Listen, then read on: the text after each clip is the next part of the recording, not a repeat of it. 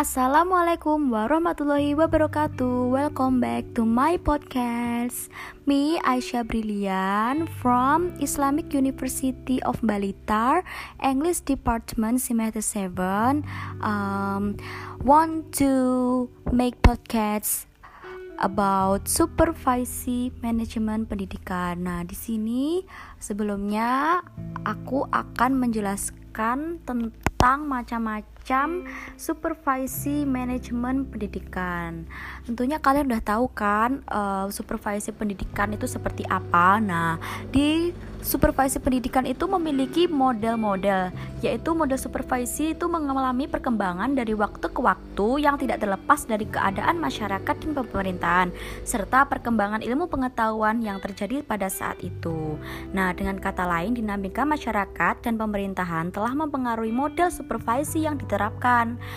Nah, Model supervisi pada masa peralihan setelah kemerdekaan bersifat pengawasan. Modelnya berbentuk pembinaan dan penilaian terhadap kepala sekolah dan guru dalam memajukan mutu pendidikan.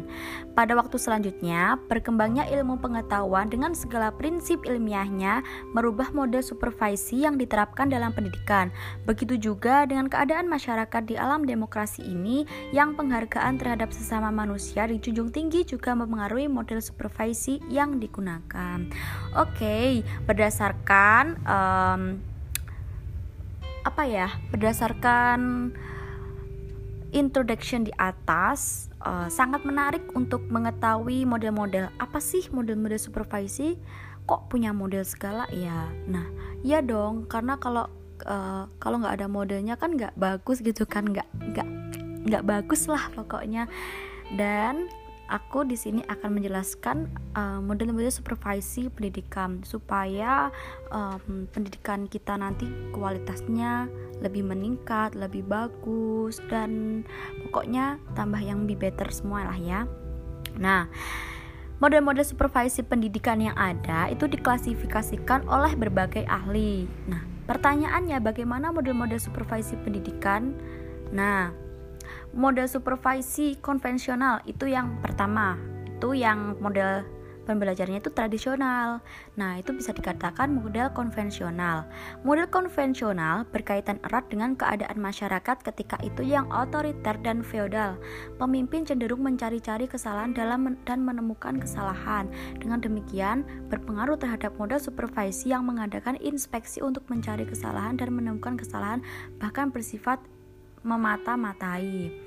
Kemudian yang kedua adalah model supervisi ilmiah.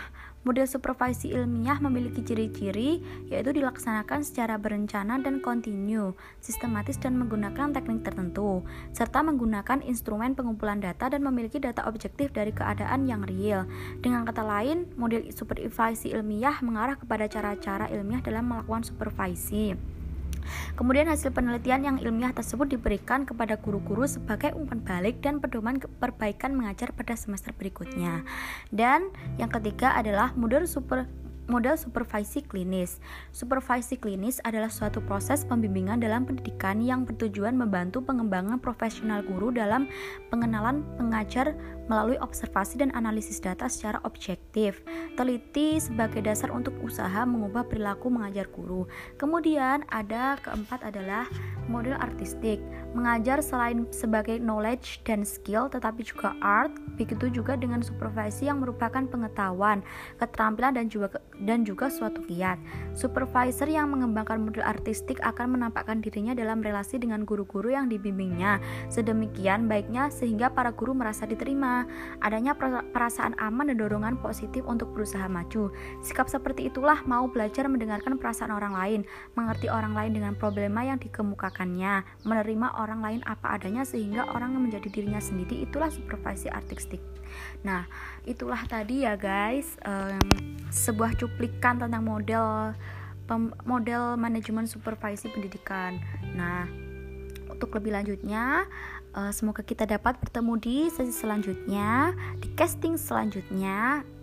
Aku akan uh, menjelaskan tentang secara rinci. Nah, mau tahu kelanjutannya? Selalu pokoknya selalu stay tune di podcast aku ya. Jangan lupa like dan beri bintang. Thank you